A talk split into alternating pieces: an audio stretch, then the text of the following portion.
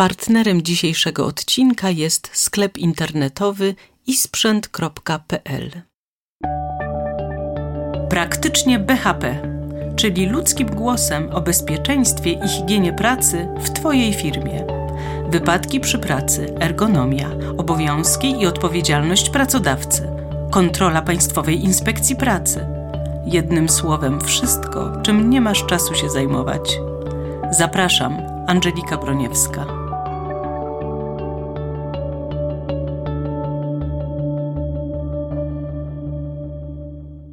Gościem dzisiejszego podcastu jest pan Sławomir Zelend, specjalista do spraw BHP. Dzień dobry panu. Dzień dobry pani. Temat, jaki dzisiaj poruszymy, to szkolenie wstępne pracownika.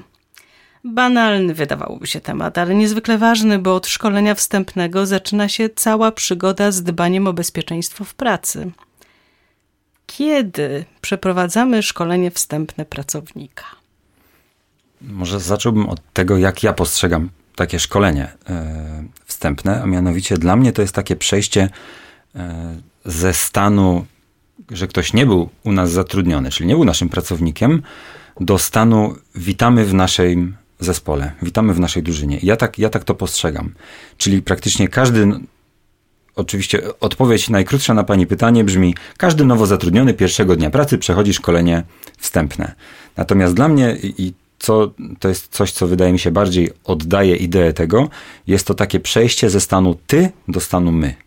Tak, ale też każdy, kto zmienia stanowisko, prawda? Bo też tak bywa, że tak, ktoś awansuje tak. albo zmienia specyfikę swojej pracy i też wtedy powinien de facto takie w szkolenie wstępne nowe, nowe, na nowym stanowisku przejść. Tak, tak, dokładnie. Przy czym to, to już jest również taka no, no zmiana też te, tego stanu, tak? Że on zmienia mm, powiedzmy jakiś zespół, w którym pracuje i w związku z tym zmienia się specyfika tej pracy, zmieniają się jakieś zagrożenia w tym miejscu i z tego powodu również to szkolenie powinno się odbyć. Jak powinien się zachować pracownik, który nie został przeszkolony przez pracodawcę, a został dopuszczony do wykonywania pracy, albo co gorsza, jest do niej nakłaniany? No, prawdę powiedziawszy, ciężko mi jest coś takiego sobie wyobrazić, aczkolwiek zakładam, że, że jest to mm, możliwe. Nie mieści się to po prostu w moich kategoriach postrzegania e, pracownika i jakiejś pracy zespołowej. Ja myślę, że po prostu udałbym się do swojego przełożonego i mu, mu to najzwyczajniej w świecie zgłosił, że przykro mi, ale ja nie czuję się komfortowo z tym, że ja nie wiem, gdzie jestem, co mam robić i na czym ta praca właściwie ma polegać i z czym się wiąże, z jakimi zagrożeniami. Dokładnie, czyli pracownik powinien wykazać się pewną asertywnością i nie dać się wprowadzić w taką sytuację, w której jest zagrożony. On, jego zdrowie lub życie nawet zależy od rodzaju wykonywanej pracy. Dokładnie, czyli wyobraźmy czyli sobie... odmówić tak naprawdę. Tak, tak. Wyobraźmy sobie, że, że my stajemy na takim stanowisku, no, jakiś taki przykład totalnie absurdalny, że, że pewnego dnia... Hmm, ponieważ jesteśmy w Krakowie, to wybierzmy, że ktoś nas wrzuca na statek i to dla pewności to nie w Gdańsku, tylko w Sztokholmie, gdzie jest kompletnie inny język, kompletna specyfika. Jesteśmy pierwszy raz na statku i ktoś nas tylko klepie w plecy i mówi: No, to za zachęcam do pracy. Nie ma mowy. Nie należy tego no, robić absolutnie. Po prostu nie ma mowy. To już tak. o, oczywiście wyolbrzymiam tutaj skalę, niemniej jednak jest to pewne podobieństwo do tej sytuacji. E, jak długo powinno trwać szkolenie wstępne? Więc y, w miarę upływu lat y, coraz częściej używaną przeze mnie odpowiedzią jest to zależy. Gdybyśmy mieli mówić oczywiście o dokumentach, no to co najmniej 3 godziny lekcyjne e, instruktażu ogólnego i 8 godzin e, stanowiskowego, przy czym w przypadku pracowników administracyjno-biurowych może to być skrócone do dwóch godzin, tak? No niemniej jednak, według mnie to zależy od specyfiki naszego zakładu, od tego, e, jak on bardzo on jest rozbudowany, od tego, jakie występują tam zagrożenia. Może, żeby tak to bardziej zobrazować, odpowiem, jak to odbywa się u mnie. Więc tę część e, instruktażu ogólnego, którą zazwyczaj ja przeprowadzam praktycznie z każdym pracownikiem, a w naszym zakładzie na ten moment e, zatrudnionych jest około 200 osób, to jest tak naprawdę zapoznanie z całym zakładem. Ja dokonuję obchodu razem z nowym pracownikiem, pokazując mu absolutnie wszystko, co jest na naszym terenie, gdzie co się znajduje, jakie zagrożenia występują w danym miejscu. I dzięki temu uważam, e, pracownik po pierwsze wie, jak ma się w tym zakładzie poruszać, wie, jak ma się odnaleźć e, i gdzie znajdują się jakieś określone miejsca, począwszy od gaśnic, wyjść ewakuacyjnych, po stołówkę i toaletę. I to jest to, o czym mówiłem, że to jest takie przejście e, ze stanu człowieka, który gdzieś tam był za płotem przysłowiowym i nie wiedział, co ma robić, do tego, że e, witaj, witaj w klubie. No właśnie, to jest szalenie ważne, żeby zobaczyć cały zakład pracy, ponieważ nigdy nie wiadomo, kiedy księgowa będzie musiała zejść do pracownika i dać mu do podpisania dokument, prawda? I nigdy nie wiadomo, kiedy czasem ten pracownik nie będzie musiał znaleźć e, przysłowiowego BHP-owca, czy też kogokolwiek innego na zakładzie, więc staram się zawsze połączyć te dwie rzeczy. Też gdyby mm, ta część ogólna była taką suchą kwestią tylko, nie wiem, opowiadania o gaśnicach i kaskach, to człowiek też by się po prostu najzwyczajniej w świecie znudził. Jeżeli to jest dowiązane do tego, że tak naprawdę jest to e, oprowadzenie po zakładzie, a nie jako, e, można powiedzieć, przy okazji, dowiaduje się, jak posługiwać się gaśnicą, jak posługiwać się defibrylatorem, gdzie jest apteczka, jak ją się zdejmuje, jak ją się otwiera, ponieważ podchodzę do tego dosyć szczegółowo. E, już miałem takie próby wyszarpnięcia apteczki ze ściany na siłę, więc przekonuję się, że im bardziej szczegółowo i, i mm, podchodzę do tego, tym lepiej i nigdy nie należy zakładać, że to, że my coś wiemy, to, że jest to wiedzą jakąś powszechną. Oczywiście cieszę się, że Państwo mają defibrylator, a jestem po prostu zachwycona tym faktem. No, ale coraz więcej firm rzeczywiście, takich, które zatrudniają większą ilość osób, e, już ma taki sprzęt na wyposażeniu ratujący życie, e, co zalecam niewątpliwie każdemu. Ja mam wrażenie, że myśmy tak nie rozgraniczyli dwóch rzeczy. Szkolenia wstępnego, które składa się z dwóch instruktarzy. Tak, instruktaż ogólny i instruktaż stanowiskowy. Jeden trwa 3 godziny lekcyjne. Lekcyjne. A drugi? 8 godzin. I można go skrócić? Można w przypadku pracowników administracyjno-biurowych. Aczkolwiek i teraz znowu, to zależy. Ponieważ no, stanowiska administracyjno-biurowe mogą być różne. Przykład przedstawiciel handlowy. Pytanie, czym on handluje, jeżeli może przewozi jakieś materiały, które w pewien sposób też mogą e, zagrażać jego bezpieczeństwu. Sam fakt na przykład przewożenia jakiegoś ładunku luzem niezabezpieczonego w samochodach, e, którym porusza się taki przedstawiciel, może spowodować, że w sytuacji hamowania lub też kolizji ten przedmiot gdzieś tam będzie się e, po prostu leciał niezabezpieczony i, i, może spowodować u niego uraz. A jeszcze jeżeli to jest substancja żrąca albo niebezpieczna, to już w ogóle nie chcę sobie wyobrażać. Tak. Albo wyobraźmy sobie, że jest stanowisko administracyjno-biurowe, mm, które w jakiś sposób powiązane jest ze sterowaniem. E, czyli mamy komputer, mamy jakieś e, oprogramowanie i od tego, co tam ktoś e, wpisze, może zależy na przykład, e, nie wiem, skład chemiczny jakiejś substancji i, i, co do tego może doprowadzić. No to czy w jego przypadku będziemy skracać e, do wydłużać, tych dwóch wydłużać, godzin? Wydłużać, Albo czy będziemy nawet trzymać się tych 11? No ja bym powiedział, że te 11 to będzie taki naprawdę basic, a potem przez najbliższe jeszcze 5 dni będzie za nim siedział starszy kolega, który będzie upewniał się, że on na pewno właściwy przycisk wciśnie. Zresztą powiedzmy, nie muszą to być nawet takie drastyczne e, przykłady. Mm, no wystarczy sam fakt, że współcześnie pracownik administracyjno-biurowy może się posługiwać naprawdę różnymi programami e, w swojej pracy, tak? Czy to jakieś e, ERPy, czy to jakieś programy, e, nie wiem, logistyczne, czy odnośnie jakiegoś transportu materiałów, no to sam ten fakt powoduje, że chcąc go tego dobrze nauczyć, to to zdolność pojmowania tego pracownika, chłonięcia wiedzy i umiejętności jej zastosowania w praktyce tak naprawdę determinuje to, jak długi powinien być ten czas mm, tego instruktażu, czy też zwiększonego nad tym pracownikiem e, nadzoru. Natomiast jeśli chodzi e, o, na, o moją firmę i o stanowiska produkcyjne, to przyjmujemy taką e, zasadę, że generalnie 5 dni pierwszej pracy, 5 mm, dni pracy pierwsze danego pracownika e, jest pod zwiększonym nadzorem i kontrolą przełożonego lub też wyznaczonej osoby, która już wcześniej pracowała na tym stanowisku. No, tam, gdzie są maszyny, tam, gdzie jest ruch, tam, gdzie jest hałas, e, stres, zmęczenie, różne czynniki, które mogą spowodować to, że, że ktoś chociażby się zawaha mm, lub też zadziała odruchowo i to już może grozić jakimiś poważniejszymi konsekwencjami, czy to materialnymi, czy też właśnie wypadkiem. Kto przeprowadza szkolenie wstępne? Generalnie, zgodnie z literą prawa i przepisów, pracodawca. Może to być też oczywiście osoba wyznaczona, firma zewnętrzna, e, kierownik, bezpośredni przełożony, wykładowcy, instruktorzy. Generalnie, jeżeli miałbym zacząć od to zależy, to wybrałbym przede wszystkim taką osobę, która lubi ludzi, która ma wiedzę o zakładzie, ma wiedzę o bezpieczeństwie i zagrożeniach i jest w stanie to przekazać. Taka byłaby moja. Właśnie to jest ciekawy temat na kolejny podcast. Kto powinien zostać idealnym PHP-owcem? Kto płaci za szkolenie wstępne? Pracodawca. To jest, uważam, nie tylko w jego e, jakimś obowiązku, interesie, ale też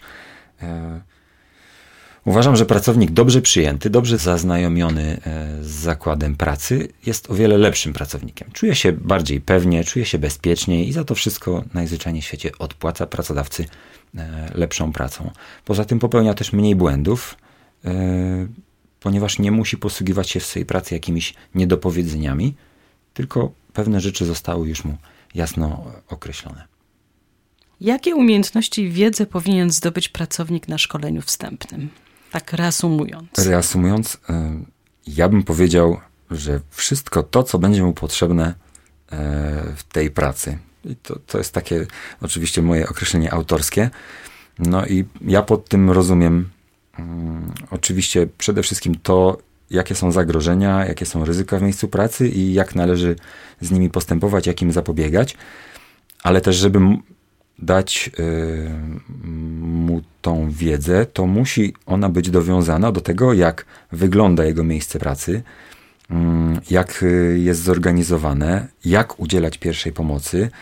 E, ocieramy się również o pewne przepisy prawa pracy, czyli żeby pracownik wiedział, co się dzieje, czym jest wypadek, jak on jest traktowany, jak jest rozpatrywany, y, jak należy postępować w wypadku jego wystąpienia.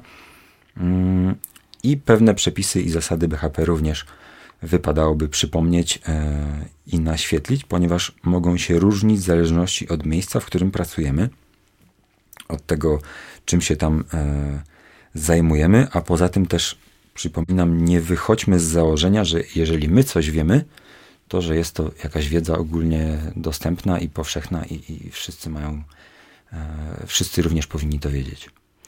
Ja właśnie obserwuję na rynku, pojawia się bardzo dużo szkoleń e, online, ale też takich szkoleń, które można po prostu na DVD sobie ściągnąć i puścić pracownikowi.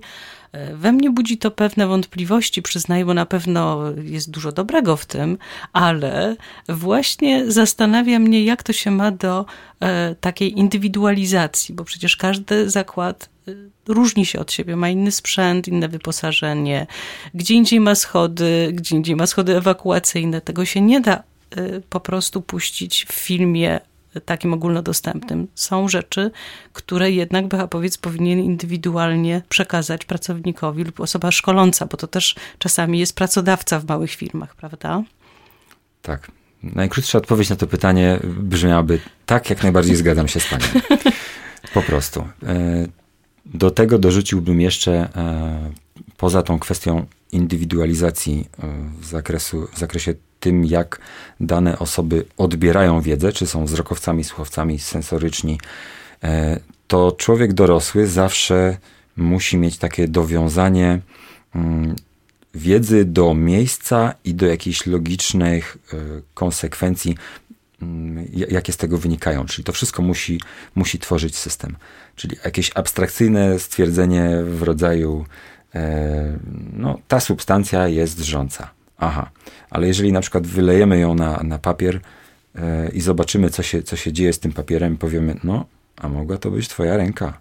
To już zupełnie inaczej działa na wyobraźnię. Trochę tak jak przysłowiowe mm, dam sobie za to rękę uciąć. E, I generalnie większość osób daje sobie za coś rękę uciąć. A ja zmieniam to pytanie najczęściej i mówię, a założysz się o 100 zł? I wtedy już okazuje się, że ludzie wyceniają tą rękę taniej niż te 100 zł. No cóż, ekonomiczny walor tutaj zawsze będzie przeważał, podejrzewam. E, ale rzeczywiście powinniśmy e, wyobrażać sobie, co się może wydarzyć i ta, to szkolenie powinno jednak zostawić w pracowniku przekonanie o tym, że to, co usłyszał jest prawidłowe i że dla własnego dobra powinien stosować się do tych zaleceń. Tak, jak najbardziej. Y, I tutaj jest też ta wyższość y, szkoleń w miejscu pracy na żywo od szkoleń realizowanych online, że prawdę powiedziawszy, w tym naszym ówczesnym zabieganym świecie, obawiam się, że ludzie po prostu mm, przeskakiwaliby, żeby to szkolenie po prostu gdzieś tam leciało w tle, na Albo przykład, by je pominęli bo tu i, trzeba i zaznaczyć, złożyliby podpis dla świętego spokoju. Tak, bo tu trzeba zaznaczyć, że to szkolenie odbywa się w godzinach pracy. Tak. I to jest też rzecz, która I boli To jest bardzo, też niepokojące, prawda? bo w tym momencie na przykład już praca czeka i zachodzi taka pokusa tej kompresji czasu, żeby wykonać dwie rzeczy naraz. Dokładnie. E, no i teraz problem, który, z którym się coraz więcej pracodawców styka, czyli jak należy przeprowadzić szkolenie w przypadku pracownika obcojęzycznego, który nie posługuje się językiem polskim w stopniu wystarczającym do zrozumienia tego szkolenia. No to przywołam ten sam przykład, o którym mówiłem wcześniej, czyli nagle zostajemy pracownikiem na statku e, w Sztokholmie, to na wszelki wypadek zróbmy, żeby ten statek był jeszcze pod banderą panamską. E, I i multikulti. I, i, i, I co dalej po prostu? I co dalej? Lub w uproszczeniu, no wyobraźmy sobie, że jesteśmy na wykładzie, który jest przeprowadzany w języku zupełnie dla nas obcym. Strzelam chiński. Jak się wtedy czujemy? No, najdalej po pięciu minutach po prostu się wyłączamy z tego wszystkiego i, i myślami jesteśmy kompletnie gdzie indziej. Więc tutaj odpowiedź jest bardzo prosta. No, szkolenie musi być przeprowadzone w języku takim, jaki jest zrozumiały e, dla pracownika. No i teraz pytanie, o formę, w jakiej to przeprowadzimy. Czy no w tym wypadku nie mamy, jeżeli nie mamy innego wyjścia, możemy sięgnąć faktycznie po to szkolenie e, online. Możemy wziąć ze sobą pracownika, który zna język e, tego nowo tej nowo zatrudnianej osoby i posłużyć się nim w charakterze tłumacza.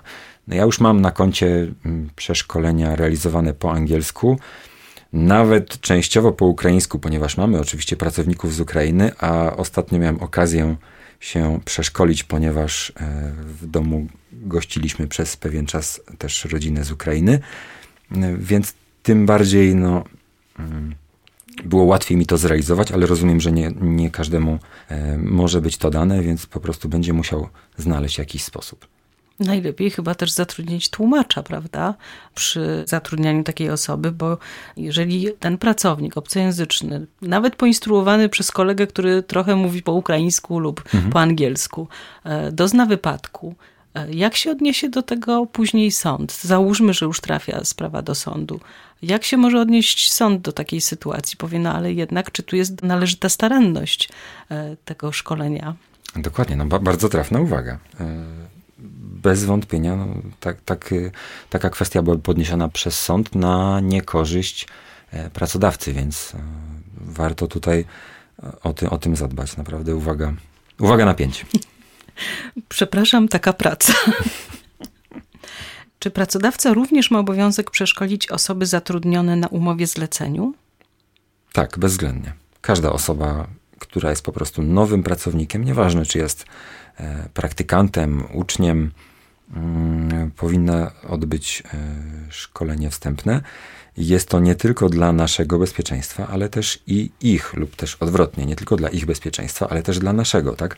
Ponieważ, naszego pracodawcy. Naszego jako pracodawcy, ponieważ e, no, miejmy tutaj na uwadze też nie tylko jakąś taką kwestię, nazwijmy to wymierną, czyli odszkodowanie, ale też najzwyczajniej w świecie nasze sumienie. Gdzieś tam e, w jakimś, pod koniec dnia przyjdzie nam się położyć e, spać i zastanowić się, czy my, aby na pewno wszystko zrobiliśmy dobrze, czy mogliśmy jakoś e, danym sytuacjom zapobiec i, i czy nie podeszliśmy do tego zbyt lekceważąco.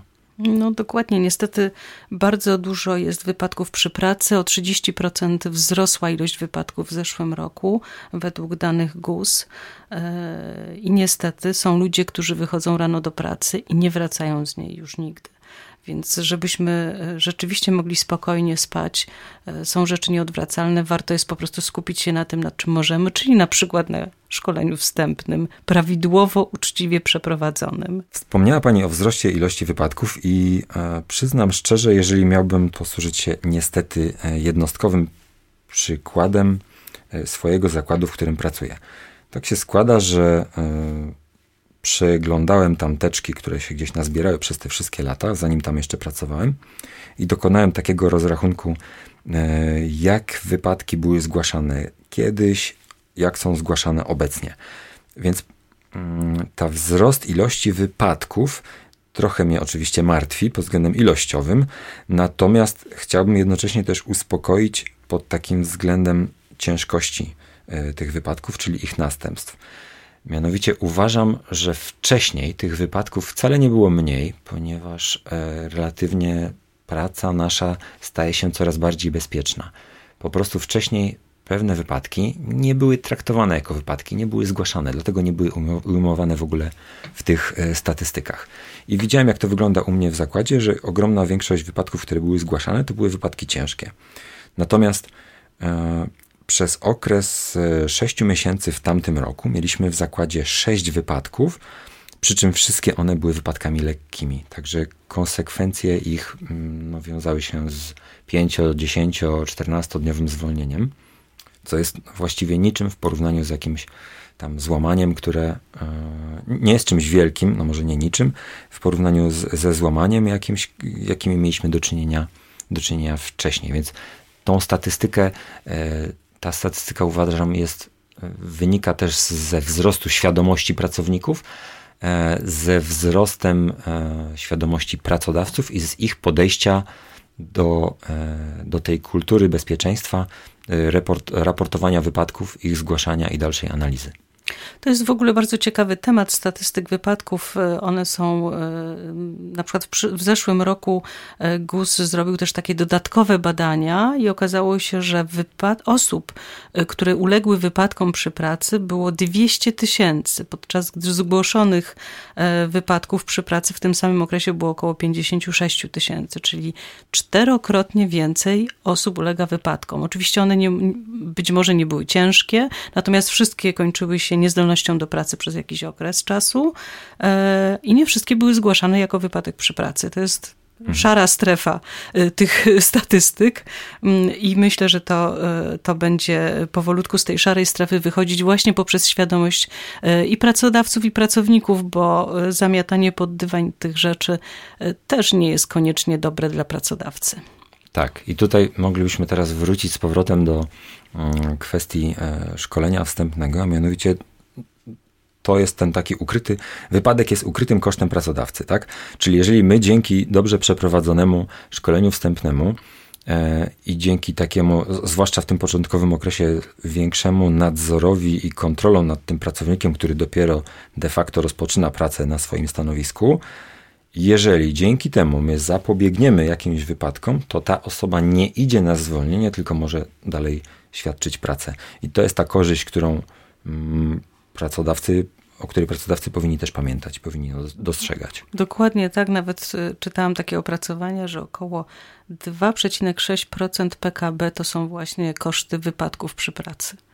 Światowe, także to jest bardzo duża kwota, o. którą należałoby rzeczywiście e, zmniejszyć jak najszybciej. Tak. I tutaj może ciekawostka, że za każdym razem praktycznie, kiedy prowadzę postępowanie e, powypadkowe, nawet jeżeli to jest e, relatywnie jakiś niewielki uraz, to każdy jeden pracownik potwierdza, że no to, to, że on musi teraz stracił to zdrowie, nawet powiedzmy tymczasowo, jest dla niego największym, największym kosztem.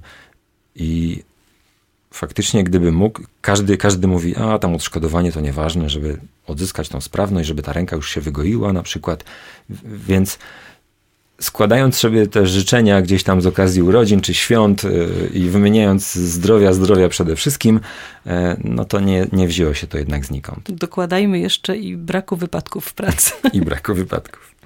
E, czy sprawdza się wiedzę pracownika po odbyciu takiego szkolenia BHP?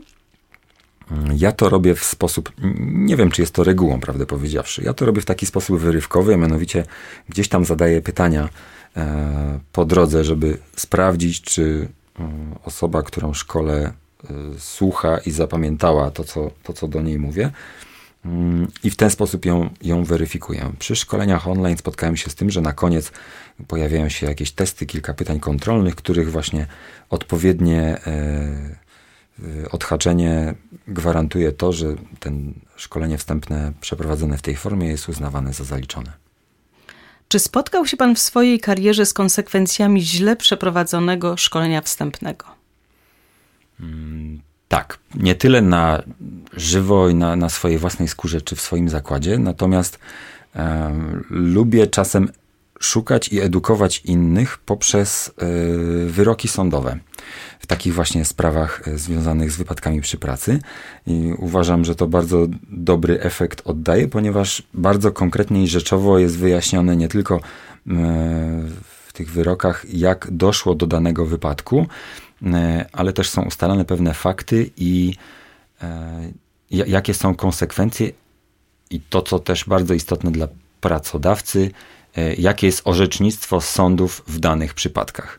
Innymi słowy, lepiej jest ściągnąć z internetu jakiś wyrok sądowy go sobie przeczytać, żeby wiedzieć, jak pewne sprawy są postrzegane i co nam za to grozi, jeżeli e, nie dopełnimy jakichś obowiązków, mm, aniżeli przekonywać się tego potem na własnej skórze.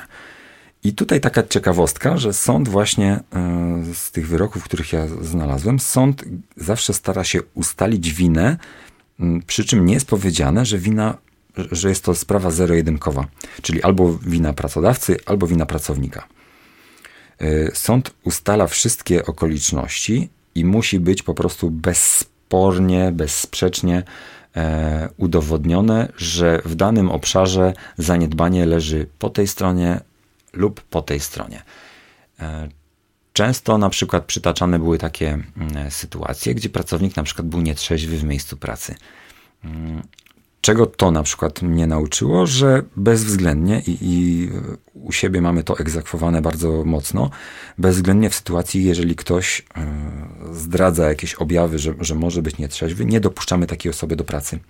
Ponieważ w tym momencie to my możemy być traktowani jako współwinni ponieważ zignorowaliśmy pewien fakt, e, który, który był dla nas zauważalny.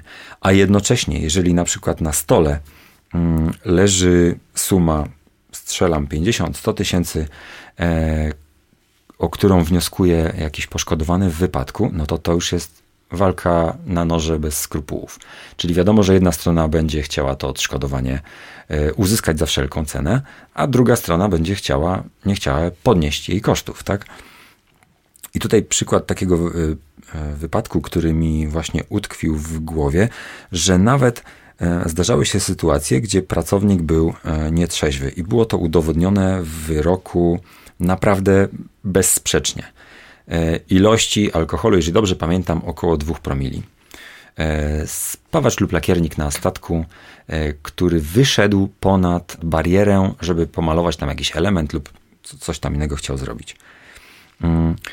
Więc oczywiście wina jego jako e, osoby, która nie przestrzegała przepisów, e, która była nietrzeźwa i to w stopniu e, no, znacznym, jest bezsporna. Ale jednocześnie mamy też winę ze strony pracodawcy, który nie zabezpieczył w odpowiedni sposób tej bariery. I tu jest takie trochę kuriozum, które budzi we mnie sprzeczność, ponieważ jeżeli ktoś ma te dwa promile we krwi, no to on już tak jakby z zasady jest nieobliczalny, prawda? Oczywiście. Niemniej jednak e, częściowa wina pracodawcy e, przez sąd została wskazana, ponieważ nie dopełnił e, jakichś tam swoich obowiązków. I teraz zamieńmy ten wyrok na taką sytuację, gdzie e, pracownik mm, również postawmy na stole to, tę kwestię odszkodowania. No i pracownik oczywiście robi wszystko, żeby wykazać, że w jego przypadku nie było, nie było mm, winy. Nie, nie było winy, a jednocześnie pracodawca nie dopełnił e, swojego obowiązków, ponieważ nie ma, e, jak widać, nie ma w dokumentacji w teczce pracownika, nie ma e, wypełnionego szkolenia wstępnego i mm, podpisu pracownika, że został zapoznany z ryzykami w miejscu pracy oraz nie odbył szkolenia stanowisk, stanowiskowego. I co teraz, i co dalej maturzysto, jak to się mówiło kiedyś, bo mamy maj, e, lub w przypadku tego pracodawcy, i co dalej pracodawco. No i praktycznie ten pracodawca jest w tym momencie ugotowany. No ale okej, okay, przyjmijmy, że powiedzmy ten akurat e, arkusz instruktażu e, szkolenia wstępnego jest przez pracownika podpisany, a on mówi, że ono się nie odbyło.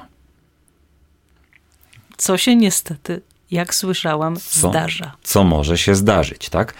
I teraz inna sprawa jest, jeżeli e, ono się faktycznie, mamy słowo przeciwko słowu, ale jeżeli po drugiej stronie teraz pojawia się specjalista do spraw BHP lub też ta osoba wyznaczona, która przeprowadzała to szkolenie, podnosi rękę, mówi chwileczkę, a ja tutaj mam kalendarz Google, mam zapisane w zeszycie, tu jest moja pieczątka. Ja pamiętam na tym szkoleniu, mówiłem o tym i o tym i o tym. Pamięta pan? A pamięta pan, gdzie jest defibrylator? Sam go panu pokazywałem no to już te nasze szanse jako pracodawcy rosną. Dla mnie osobiście to jest też trochę coś e, nieprzyjemnego, niemiłego, ponieważ nie lubię takiego kłamania, cwaniactwa e, i tego typu zachowań. No niemniej jednak moja wyobraźnia dopuszcza do głowy to, że gdyby tutaj postawić przed nami 100 tysięcy złotych i kto wygra powiedzmy dyskusję, e, kto, kto wygra dyskusję w tym, e, w tym sporze, może je sobie wziąć, no to jest argument wystarczający do tego, żebyśmy sobie nagle przypomnieli wszystkie nie, niegodziwości, jakich dopuściła się druga strona, żebyśmy mogli mu to, to wyciągnąć, udowodnić i, i wyjść z tej sytuacji no, niejako zwycięsko. Także no, pa pamiętajmy, że to szkolenie ze strony pracodawcy no, jest niejako. Zabezpieczeniem. Zabezpieczeniem. Zabezpieczeniem jest, jego praw y, wobec pracownika. To, to jest, tak jak mówiłem wcześniej o takim spokojnym śnie, no to to jest taki warunek sine qua non, y, żeby iść dalej, gdzie tak naprawdę tych obowiązków później też nie mamy wcale mniej. Niemniej jednak, jeżeli to nie będzie y, spełnione, no to można powiedzieć, jest pracodawca jest ugotowany już na samym początku. Dokładnie. A jak często należałoby powtarzać takie szkolenie? Bo jednak muszę przyznać, jeśli ktoś przychodzi do takiej dużej firmy jak u Pana, ponad 200 osób zatrudnionych, pewnie olbrzymi zakład produkcyjny e, i obejdzie cały zakład, usłyszy bardzo dużo nowych informacji, których wcześniej nie znał, e, stara się zapamiętać. Podobno mózg ludzki, jeśli bardzo się postara, 75% jest w stanie zapamiętać, ale jeżeli te 25% jest kluczowe, a zapomniał, kiedy należy mu przypomnieć o tym? Więc y, jeżeli mówimy o e, szkoleniach okresowych BHP, no to w przypadku e, prac szczególnie niebezpiecznych to są powtarzane co rok. W przypadku e, stanowisk produkcyjnych czyli tak zwanych robotniczych, co trzy lata. I, I, jednak tak odnosząc się literalnie do tego pytania, no to uważam, że tak naprawdę to właśnie ta codzienna obecność na zakładzie i codzienne wykonywanie e, pracy, to to jednak utrwala jakąś, e, jakąś tam wiedzę. Do tego, jeżeli zachodzi, e, możemy przeprowadzić jakiś alarm mm, lub też no, po prostu wydarzy się wypadek, to to jest takim czynnikiem chyba najbardziej e, mobilizującym. I tutaj mm, no, pamiętam, jak miało to miejsce u nas, kiedy wkrótce po tym, jak przeprowadziliśmy szkolenie z pierwszej pomocy, które było rewelacyjnie, uważam, przeprowadzone przez firmę zewnętrzną, e, zaangażowanie e, tutaj pracowników, którzy byli, byli szkoleni, było naprawdę wysokie. I takim największym, mm, widziałem taką pierwszą przemianę wtedy, kiedy e, ludzie po szkoleniu wrócili do pracy i tak wzrosła ta, ta ich e, uważność i świadomość i traf chciał, że po tygodniu albo po dwóch tygodniach miał miejsce taki, miał miejsce akurat wypadek. Mm, na szczęście lekki, ale było to taka okazja od razu do tego, żeby te świeże umiejętności e, zastosować w praktyce. I to było, to było takie coś, że widać było od tych ludzi, jak oni potem, jak z nimi rozmawialiśmy, oglądaliśmy e, zapis z monitoringu, jak doszło do tego wypadku i każdy tam opowiadał, jak, jak to wyglądało z jego strony, to e, widać było taki ogromny e, wzrost zaangażowania i świadomości. I prawdę powiedziawszy, wiele jakichś takich problemów związanych na przykład z noszeniem kasków, czy zwracaniem jakiejś uwagi, od tego momentu przeszły jak ręką odjął. Ja pamiętam e, ze swoich e, studiów e, podyplomowych właśnie z bezpieczeństwa i higieny pracy na Akademii Górniczo-Ochotniczej jeden z wykładów przeprowadzonych przez pana z Urzędu Dozoru Technicznego. I do końca życia zapamiętam cytat z tego wykładu. Mianowicie pan powiedział, że my patrzymy na życie przez pryzmat swoich doświadczeń. I to po prostu jest tak jakby esencja e, takiego BHP, życia pracownika i, i, i tego wszystkiego. Czyli jesteśmy młodzi, no to lekceważenie przychodzi nam łatwiej, jeździmy szybciej samochodem, uważamy, że w ogóle jesteśmy nieśmiertelni, nigdy nie chorujemy i wszystko jest super. Życie stoi tego, przed nami otworem. Aż do tego dnia, kiedy coś się wydarzy. Aż potem gdzieś tam mamy kolizję, gdzieś tam łamiemy nogę, gdzieś coś tam gubimy, no i już zaczynamy zwalniać, zaczynamy bardziej uważać. No a potem oczywiście ży życie zaznacza koło, ponieważ mamy dzieci i one mówią, a tata, ty to się wszystkiego boisz. No. no tak, a mama cały czas mówi, noś szalik, nie nosiłem szalika, nic mi się nie stało i co? Więc być może trochę jest tak, że my powinniśmy niejako e, tam, tam gdzie możemy, mm, prowokować lub stymulować takie sytuacje, e, no, nazwijmy, nie, nazwijmy je nieco bardziej niebezpieczne. Czyli jak dziecko mówi, a czapka mi niepotrzebna. Dobra, zamiast podejmować, nie podejmujmy tej dyskusji, że on swoje, my swoje. Śmiało, leć i po prostu cierpliwie poczekajmy, kiedy te uszy zmarzną i wróci. Tak, no wtedy mogą być lekkie konsekwencje, ale jakieś. Ale, kon, ale pod się, kontrolą. Młody człowiek się nauczy właśnie tego, że jednak warto e, za, zapobiegać, tak, a nie leczyć. Więc gdzieś tam dopuszczalna jest jakaś porcja ryzyka, którą uważam powinniśmy e, akceptować w naszym życiu i pozwalać na jej do, na, na doświadczanie tegoż e, ryzyka, ponieważ może to służyć pewnego takiemu wzmocnieniu na, naszych organizmów nie tylko na zasadzie hartowania w, w, rodzaju morsowania, ale też pewnej takiej świadomości, e, co, co powinniśmy robić, jak postępować. Ale pracownikom na pewno nie będziemy zalecać chodzenia bez kasku, by sprawdzili, jak to jest, kiedy ciężki przedmiot spada na nich z góry, a oni tego kasku nie mają. E, mam nadzieję, że tutaj nasza rozmowa trochę wpłynie również na bezpieczeństwo w pracy poszczególnych ludzi w poszczególnych miejscach. E, dziękuję za rozmowę. Naszym gościem był dzisiaj pan Sławomir Zeland, specjalista do spraw PHP. Dziękuję bardzo za rozmowę pani Angeliko i dziękuję wszystkim, którzy nam słuchają. Zapraszam Państwa do pozostałych odcinków podcastu Praktycznie BHP. Do usłyszenia. Partnerem dzisiejszego odcinka jest sklep internetowy isprzęt.pl. Ty też możesz zostać partnerem podcastu. Może jest temat, który Cię interesuje Borykasz się z problemami w zakresie BHP i nie możesz znaleźć nigdzie odpowiedzi, jak sobie z nimi poradzić? Spróbujemy Ci pomóc. Napisz do nas na adres biuro.małpaipomocni.pl Jeśli podoba Ci się to, co robimy, wesprzyj nasze działania. Jesteśmy na patronite.pl ukośnik fundacja i pomocni.pl. Każda wpłata jest jak głos za Potrzebujemy tego jak wody i powietrza. To dodaje nam sił. Pozdrawiam i do usłyszenia. Podcasty stanowią część kampanii Bezpieczeństwo czy szaleństwo.